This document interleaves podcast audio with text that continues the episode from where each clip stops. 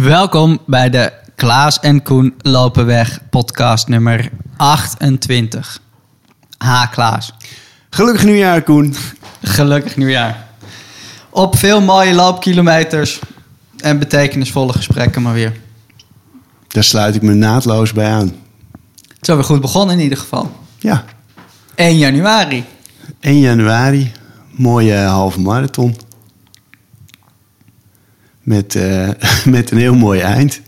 We kwamen bij een eh, steiger aan bij de Nieuwe Meer. Waar het helemaal vol stond met, eh, met dippers. Die, ja, die hadden, het leek wel een soort nieuwjaarsborrel op de steiger dat ze hadden. Thermosflessen en oliebollen volgens mij. Ja. ja, dat was een heerlijk begin van het nieuwe jaar. Met Mark en jou.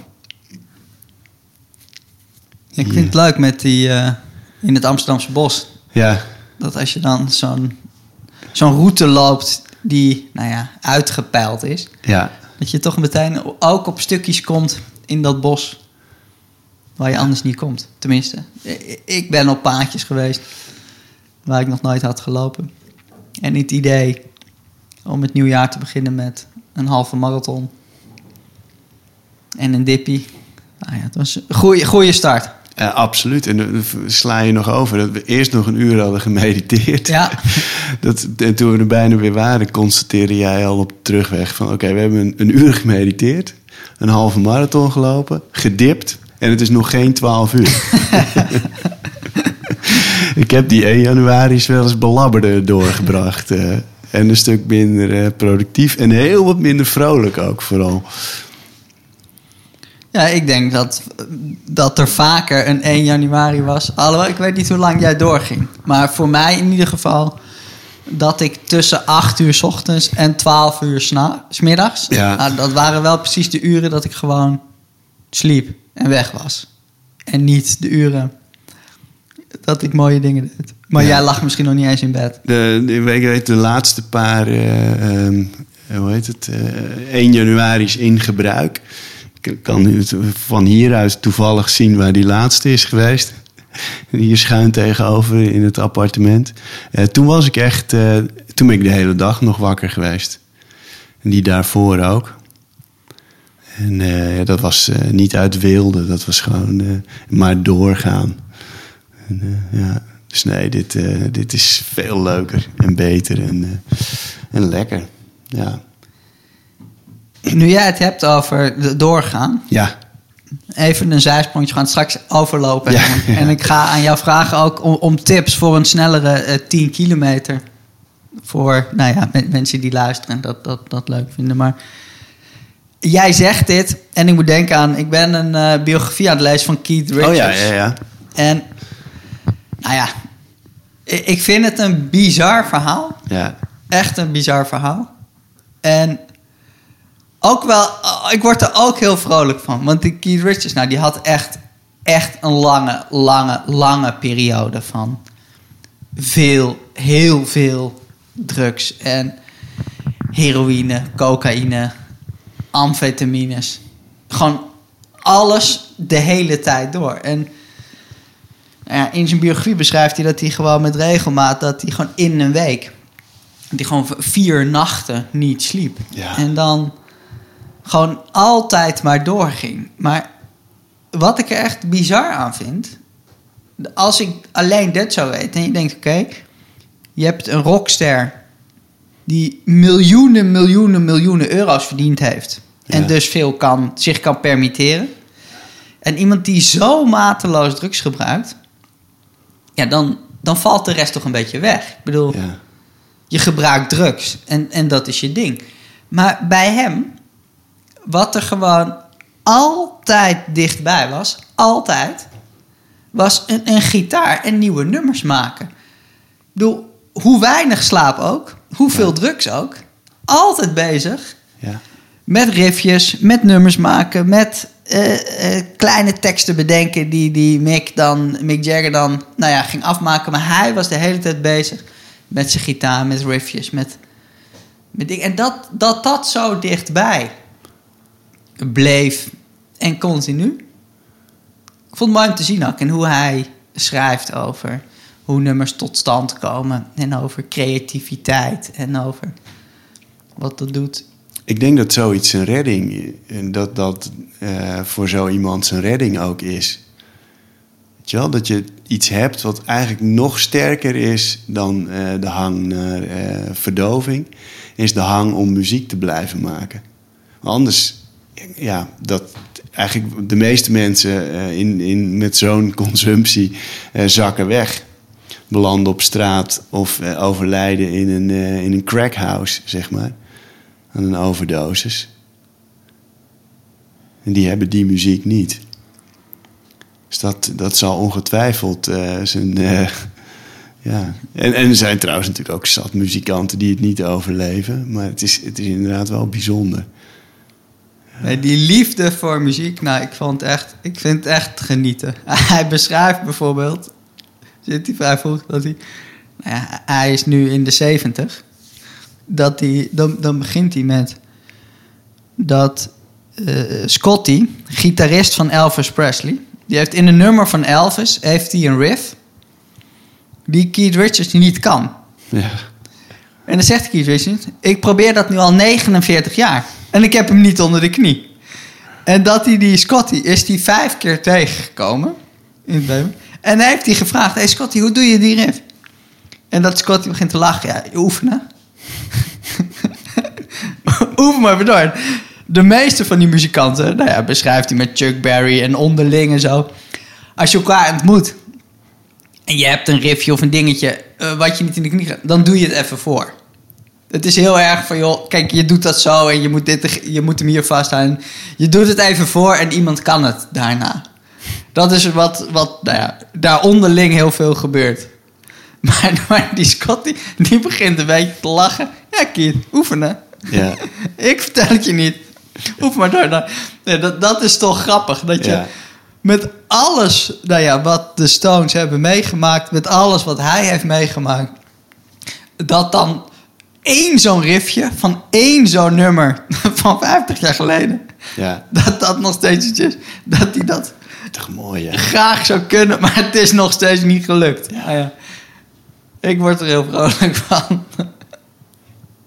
Ja, dat is trouwens in, in dat verlengde nog één tippie. Uh, en ook een, een documentaire op... Uh, ik ben even vergeten of het nou op Netflix of op Disney is. McCartney 1, 2, 3. Waar uh, Paul McCartney met uh, Rick Rubin, die producer van... Hij heeft de, zowel de Beastie Boys als Run DMC uh, heel veel hip-hop geproduceerd. Maar ook die laatste reeks van Johnny Cash, ja. die American Recordings. Ja. Een woeste baard. En die, ja, die man is zo idolaat van muziek ook. En die staat met McCartney in een studio. Dat is het hele beeld. En hij laat steeds fragmenten horen van Beatle-nummers of van McCartney-nummers. Uh, en dan hebben ze het daarover. Over het arrangement, over uh, nou, soms ook de omstandigheden of een verhaal rondom zo'n nummer. En het is ook heerlijk om te kijken. Vooral die Rick Rubin, die man heeft, weet ik veel wat, gepresteerd en geproduceerd. En uh, die hoeft totaal niet een rol in die documentaire. Die staat er alleen maar dingetjes aan te geven aan McCartney. en te knikken. En, en, en helemaal blij worden als die... Hier, hoor dit, hoor dit nou, hoor dit nou. En het is zo leuk om naar te kijken. Het is echt, uh, echt die liefhebberij voor muziek... die van zo'n uh, man van in 50 echt een compleet uh, jongetje van 10 in een speelgoedwinkel maakt. Het is echt, echt leuk om te zien. En, en nastrevenswaardig dat soort blijdschap behouden. Nou, jij bent er ook wel goed in met hardlopen. Om zo blij te zijn. Ik word er wel blij van. en vooral ook anderen te enthousiasmeren om daar ook heel blij van te worden. Wat zijn je plannen in het nieuwe jaar? Nou, sinds uh, gisteren weet ik dat ik, tenminste weet ik, uh, dat ik op 6 maart de Malta Marathon uh, ga lopen. Voor Proden. Dus uh, jij constateerde gisteren al van jongens, wat een mooi, mooi iets. Dat we, eh, hè, we hebben een, een adverteerder, maar we mogen ook nog meedoen met die marathon. Nou, dat is geweldig. Eh, en, ja, ik, ik ga er maar even vanuit dat ik erheen mag en dat ik het land uitkom en ergens anders binnenkom. Dat weet je op dit moment allemaal niet. Maar die, 6 maart, hele aparte marathon. Eh, die begint op 250 meter hoogte ergens in een stad op Malta. En die eindigt op, eh, op zeeniveau. Dus het is netto downhill. Interessant. Vijf weken later is het 10 april. Waar eh, ik samen met een groot deel van met het Kaboom Running Team, waaronder jij, aan de start sta. Daar heb ik ook ontzettend veel zin in. En ergens in mijn achterhoofd speelt dan nog het idee om twee weken later ook nog eh, de, eh, de Enschede Marathon te lopen. Daar heb ik nog steeds een eh, startnummer voor eh, sinds 2020. Dus eh, misschien doe ik die er ook nog wel achteraan. En voor de rest eh, is het eh, ja, mensen begeleiden naar hun eh, marathon in het voorjaar. Dat is een eh, minstens zo groot deel van mijn eh, hardlopen bestaan.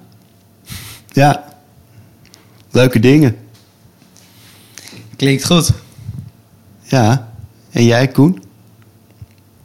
Staat er nog iets... eh, Nou, tot 10 april staat alles in teken van eh, Ja. Rotterdam.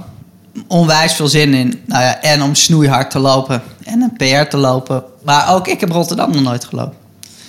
Hoe leuk. Wat, eh, nou ja, voor Nederlandse begrippen best gek is. Ja. Als je al, al een tijdje met veel plezier rent en ook eh, marathons hebt gelopen. Dat eh, Rotterdam heb ik nog steeds nooit, nooit gelopen. Nee. Dus daar eh, zie ik ontzettend naar uit. Nou ja, en naar die, die trainingen tot die tijd. Nou, daar heb ik zin in om, nou ja, om, om diep te gaan, om intervals te doen. Om eh, langer en rustig te lopen. En eh, te kijken hoe zich dat ontvouwt. En ik vermoed dat ik tussen nu en 10 april... ook op de 5 kilometer, de 10 kilometer... af en toe wel een keer een PR zal lopen. En nou ja, daar een beetje mee bezig zijn en die persoonlijke records eh, lekker belangrijk maken. Heb ik gewoon wel, wel, weer even zin in. Ja. Om, om dat een tijdje te doen. En ehm, ik hoop dat ik jou eh, eh, zover krijg om ergens een maand of drie, vier na Rotterdam om die 100 kilometer te lopen in Limburg. Die, eh, Oh ja. Dutch Mountain Trail. Ja.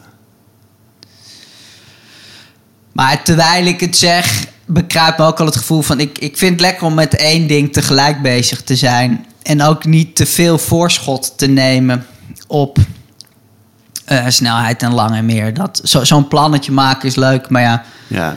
als het er niet van komt... Nou ja, omdat je eh, geblesseerd raakt... of omdat er even iets anders voorbij komt wat er moet gebeuren... dan voor mij is dat mediteren en schrijven, ja, dat moet altijd blijven gebeuren. Ja. En dat lopen, ja, daar heb ik onwijs veel lol in. Maar ik moet dat ook niet in mijn hele hoofd te groot maken. Dat als het dan niet lukt of even niet kan, dat ik er chagrijnig voor word of het gevoel heb heel veel te missen. Ja. Terwijl stiekem is het daar natuurlijk al wel heen aan het gaan. Maar ja, dat maakt ook niet uit. Ja. Maar die eh, Victor Plomp, Ja. die eh, toen met ons één, één etappe meeliep. Op die 50, die, die wil heel graag die Dutch Mountain Trail lopen van 100 kilometer. En het is volgens mij van Kerkrade naar Maastricht. Weet ik eigenlijk niet zeker. Maar dat, dat lijkt me mooi om, eh, nou ja, ik, ik heb nooit verder gelopen dan eh, 67 op één dag. En om een keer zo'n 100 te doen, ik weet Ja. niet, trekt ook wel. Het trekt zeker, ja. Tegelijkertijd trekken die rondjes in het Amsterdamse bos maar ook wel. Van die, eh, Ja. Van die streetje, mooi. ja. Ja, zo zes uur lang of zo. Ja. eh. Maar goed, eerst even Ja, ja. he- heel blijven eh, die tempo's op orde krijgen. En eh, ik voel mij sinds eergisteren eh heel wat. Ik heb echt het idee dat ik ben opgenomen in, Ja. in een select clubje. Jij kwam Herman Leeman tegen. Ik kwam Herman Leeman tegen. Ja. Begrip in Amsterdam. Ja, van All for Running en van eh atletiekclub AAC. Ja, die man die loopt zo hard en zoveel en zo lang. En nou ja, de hardlopen zit gewoon in zijn DNA. Ja. Onwijs een leuke vent. En eh, ik kwam hem tegen, want hier in de buurt op straat. En nou ja, zoals dat gaat met lopers onderling. Gelukkig niet ja, gelukkig niet ja. Wat eh, heb je loop... Wat zijn de plannen? heb je loopplannen en dingen. En eh, toen ik zei dat ik mikte op in Rotterdam in 2 uur 40. toen begon hij helemaal te stralen. Want dan kon ik wel met hun af en toe meetrainen. Want dat gaan zij ook doen. Ja, Dus ehm, nou ja, dat zal er zeker van komen. En eh, leuk. onwijs leuk. Maar om dan met Herman en Mo te trainen. Het lijkt of ik ergens ben ingewijd.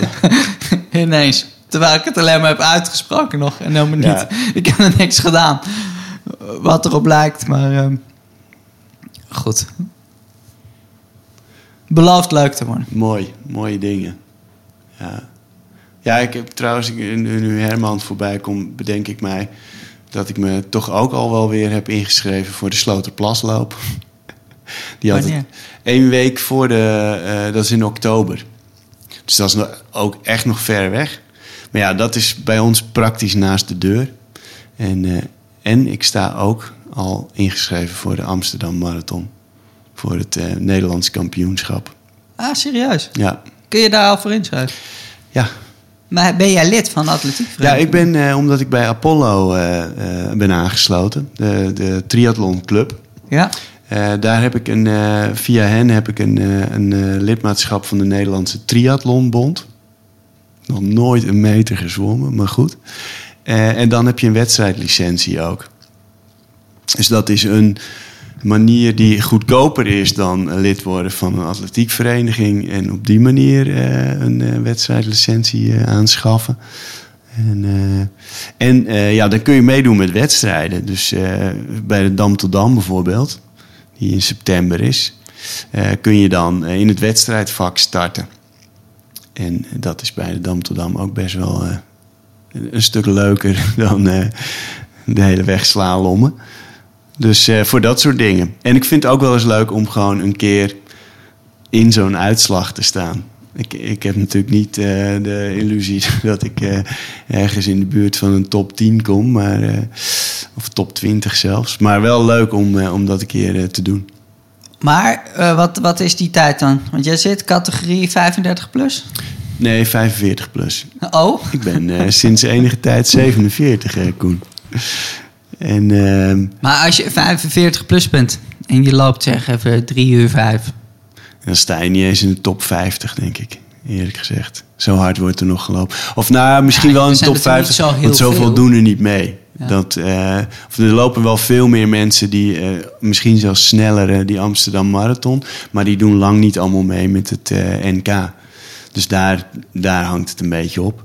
Maar eh, je noemt net Herman. Die zit in de categorie 50 plus. En die was eh, met twee. Nou, de, ik geloof dat om in de top 50 te lopen, moet je dan ook nog wel eh, rond de 240 of zo lopen. dus eh, 45 plus nog een, nog een stapje sneller. Ik denk dat de snelste misschien wel onder de 230 of zo lopen. Ja, Even kijken hoor, Malta, Rotterdam, ja. Enschede, Amsterdam. Zoals de pas loopt. Je hebt al aardig wat. eh, Staan er, staan er aardig wat. En of ze allemaal gebeuren. Ja, kijk, zoals Enschede, ja, die, die hing nog in de, in de mail, zeg maar.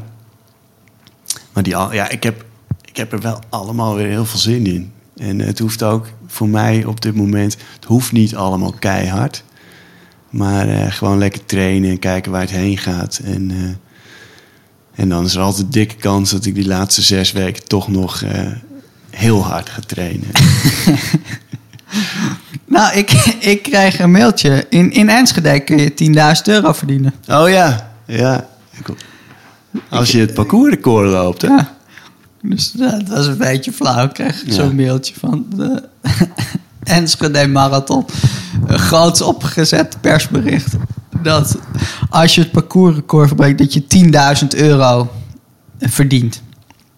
En het werd echt aangekondigd. Ik, ik weet helemaal niet wat die bedragen normaal zijn bij, bij grote marathons of dingen. Maar het werd wel gepresenteerd van jongens, dit is echt veel geld. Ja, Voor degene die het parcoursrecord verbetert. Dus dit is wel persberichtwaardig en slinger dit vooral de wereld Ja. in. En eh, toen keek ik wat het parcoursrecord was. En dat is van, van Kip Joge. Die heeft toen eh, met die corona en zo heeft hij daar, Ja. weet ik veel, 205 gelopen of zo. Heeft Iets, nou ja. En toen, dus ik mailde die organisatie om er een stukje van te maken. Of niet van ja, of er al eh, snelle lopers gecontracteerd waren. ja. Maar die waren er nog niet. Dus dat, het was echt gewoon om, om een beetje aandacht te krijgen. Want ja, natuurlijk, als de marathons weer gewoon doorgaan.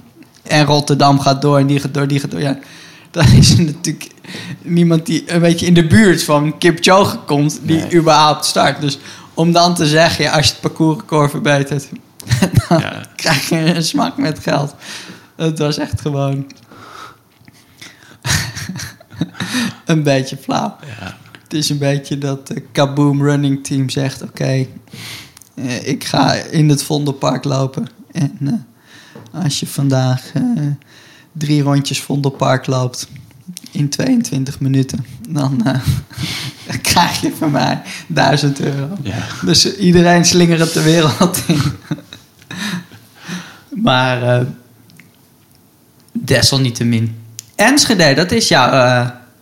Dat was mijn eerste marathon. ik wou zeggen, ik, eh, in, in Ren voor je leven staat dat Ja. Alexandra met de trein naar Enschede ging. Ja, dat Ja, was eh, mijn, eh, toen zij kwam, liep ik daar mijn derde marathon. dat was ook Enschede, toch? Ja, ik, ik heb hem toen gelopen en toen ging ik helemaal stuk. En toen deed ik er 4 uur en 25 seconden over.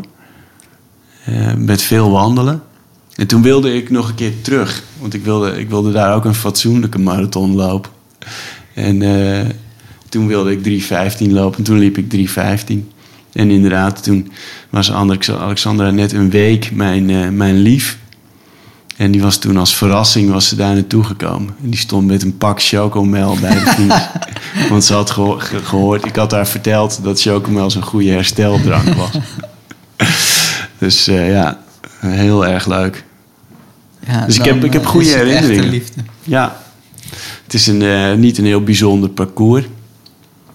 Het is wel, als je ooit een snelle marathon wil lopen, is het best wel een geschikt, eh, is het ook wel een geschikt eh, locatie. Of tenminste, het is heel plat en het is ook niet zo heel druk. Ik vond, ik vond, het, ik vond het er wel een leuke, leuke sfeer ook. Ja, het is alleen echt wat, wat verder naar eind april. Dus de kans op een uitschieter qua weer is, is dan wel steeds groter. Ja. Ja. Dus je kan, eh, als je pech hebt, is het dan ineens 22 graden, weet je wel. Dat, eh, ja. Dus leuke dingen. Iets heel anders. Ja. Ik krijg een aantal vragen van mensen die een 10 kilometer eh, willen lopen. Ja, En die, die het wel leuk vinden om daarin sneller te worden.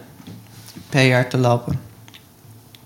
Dus ik heb beloofd dat ik het aan jou als looptrainer even voor je voeten zou gooien. Ik weet eigenlijk ook niet of dat kan, want jij werkt natuurlijk altijd heel erg eh, op, op maat en persoonlijk. Ik bedoel, als Ja. trainer dan weet je gewoon de loper, de loophistorie, hoeveel tijd. En eh, je doet even wat testjes en dingen. Ik, ik weet helemaal niet of jij dat zo kan. Als ik het zo voor je voeten gooi met, joh, drie tips. ja. Als je nu zegt van, joh, ik wil de komende tijd gaan trainen. Nou, Om de ja. 10 kilometer tijd aan te scherpen. Kan dat? Of ja eh, enigszins, ja. Kijk, als je helemaal nog nooit interval hebt gedaan, dan eh, zou ik gewoon beginnen met eh, drie loopjes in de week. Waarvan in de middelste, het middelste loopje, ga je dan af en toe een kilometer versnellen. Dus stel dat je dat, dat loopje 6 kilometer loopt, dan ga je op kilometer 2 en kilometer 4 probeer je wat harder te lopen. Heb je nou, en, en dat kun je een beetje opbouwen, zeg maar. Dus dat je eh, één relaxed loopje doet.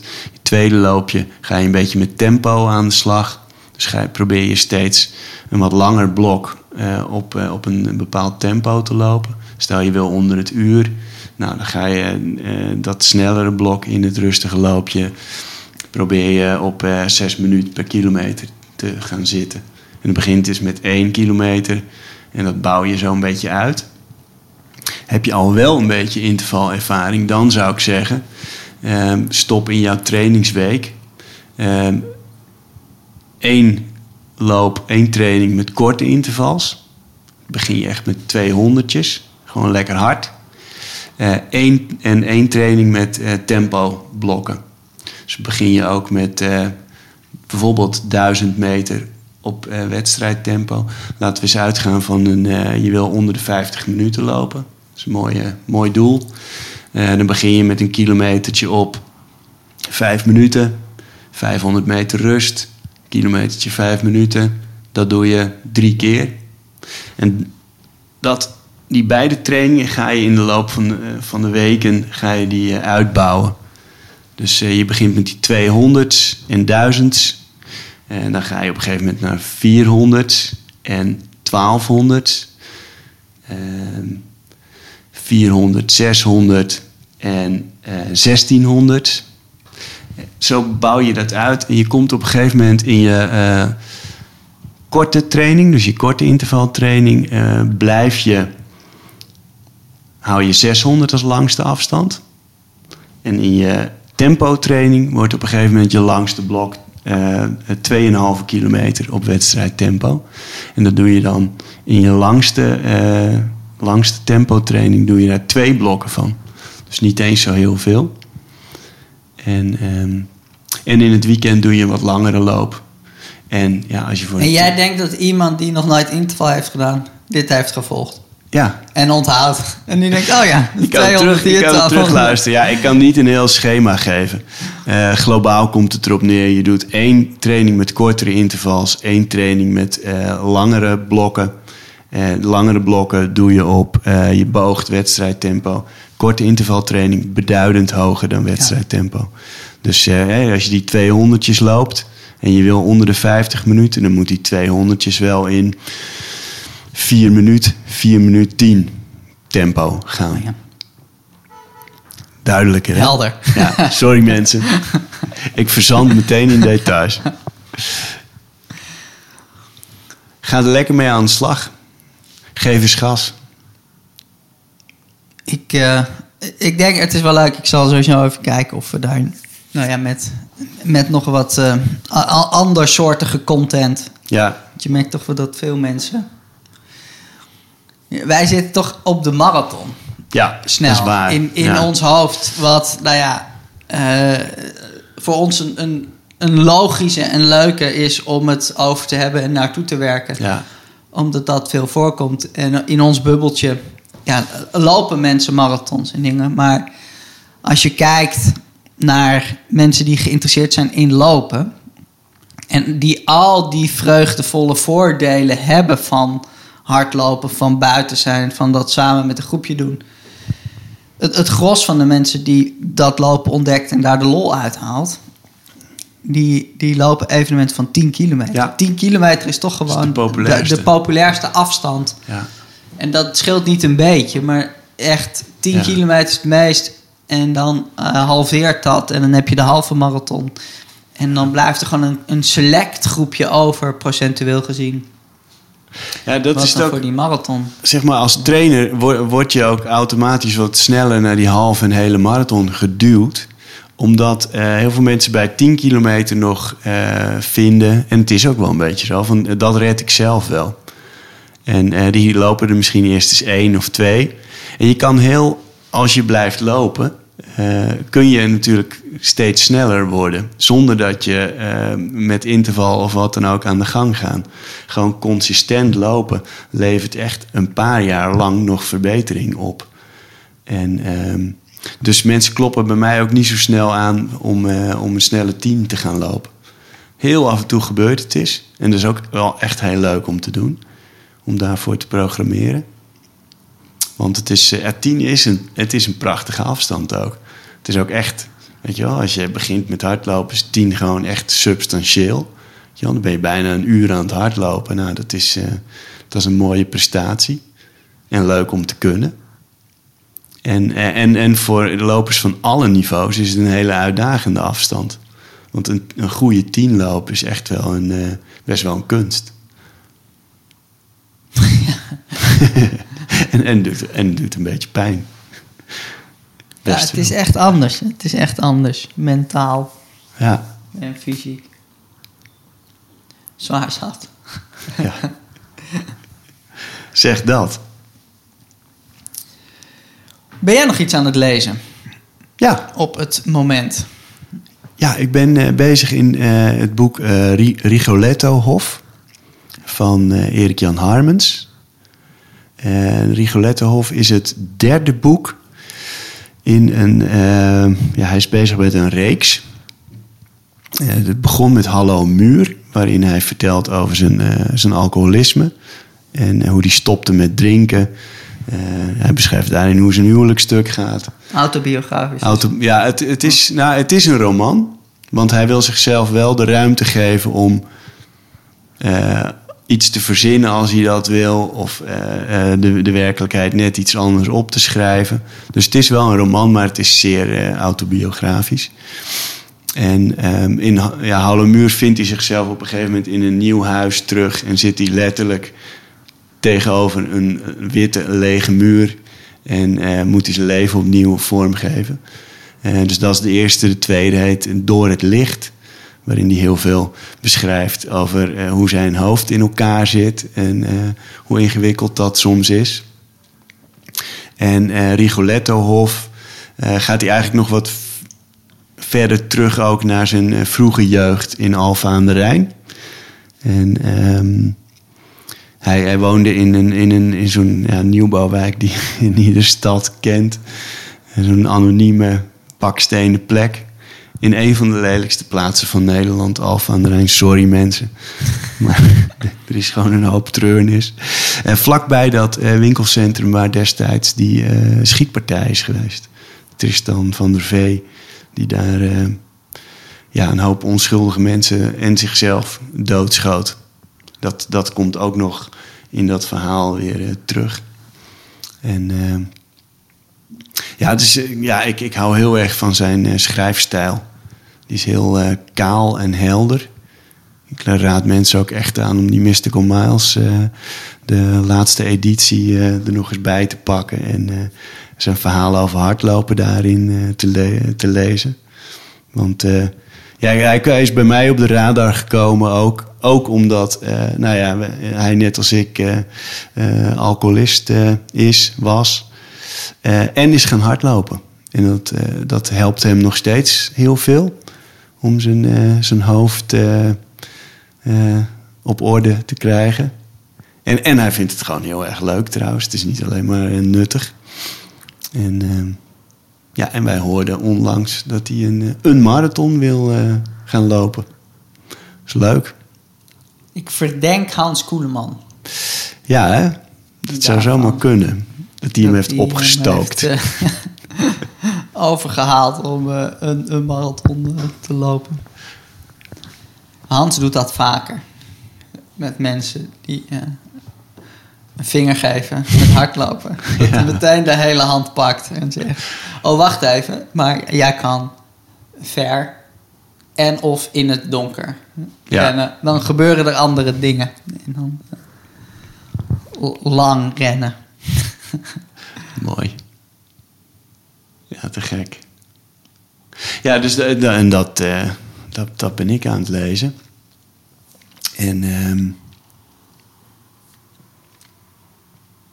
wat het nieuwe jaar, Koen, trouwens. Betekent 1 januari voor jou verder nog iets? Is het voor jou echt, voelt het als een overgang? Laat ik het zo even vragen. Nou, ik sta er altijd wel even bij stil. Met, oh ja, een nieuw jaar. Even terugkijken, wat is er afgelopen jaar gebeurd? Ja, Even kijken, oké, wat, wat moet ik omarmen en vooral koesteren en vooral mee door blijven gaan. Maar niet zo van, oké, nu is het 1 januari, dus ik heb goede voornemens en ik ga dingen rigoureus anders doen. nee. Maar het is wel altijd even een moment van, joh, kijken, oké, wa- wat is er afgelopen jaar gebeurd? En nou, dat was zo bizar veel. zo bizar veel. Ja. Want ik denk, we hebben met, met het clubhuis... wat er is gekomen... wat er pas een half jaartje is. Nou ja, wat echt een gek idee. Het is al niet meer weg te denken. Hoe Uit onze levens allemaal. De eerste Mystical Miles... Ja. die er natuurlijk was.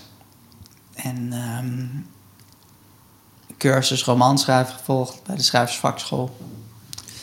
En hij echt veel in de lijn met schrijven, lopen, mediteren, wat gewoon eh, loopt en doorgaat. En eh, natuurlijk met jou, die eh, 300 kilometer, die marathon in 2,59. En dingen, nou ja, echt, toen ik er gewoon voor ging zitten en na ging denken, zowel nou ja, met dat lopen als, Ja. als privé, dat ik dacht van joh. En het duurde echt heel lang, echt heel lang, voordat ik dacht, oh maar die corona was er ook. Dat was eigenlijk echt wel vervelend. Ja. Terwijl, nou ja, ik, het was echt gek hoe lang het duurde nadat ik gewoon zo begon te denken. En er echt veel mooie ontmoetingen waren, veel mooie ontwikkelingen, veel mooie dingen. Dat ik dacht, ja, maar dat, er was ook echt wel veel wat er niet mocht of niet kon. Dat, Ja. dat duurde zo lang dat ik dacht, nee, dan is het, gaat het allemaal op de goede weg nu. En, eh, Ja, dat, ik vond dat, daar nog even op inhakend, vond ik het ook wel grappig om te zien dat een paar van de mooie avonturen, loopavonturen bijvoorbeeld, die ik dit jaar heb beleefd, ook eh, plaatsvonden omdat er corona was. Weet je wel, zoals dat we naar Den Bosch gingen om met tien mensen daar die, die marathon met superleuke leuke lui ook, die dat hadden georganiseerd en waar we mee waren. En eh, hetzelfde in, eh, in april in Almere met dat groepie, de Almeraton. ja. En, eh, en eigenlijk ook een klein beetje ons eigen avontuur natuurlijk. Een stuk mede ook.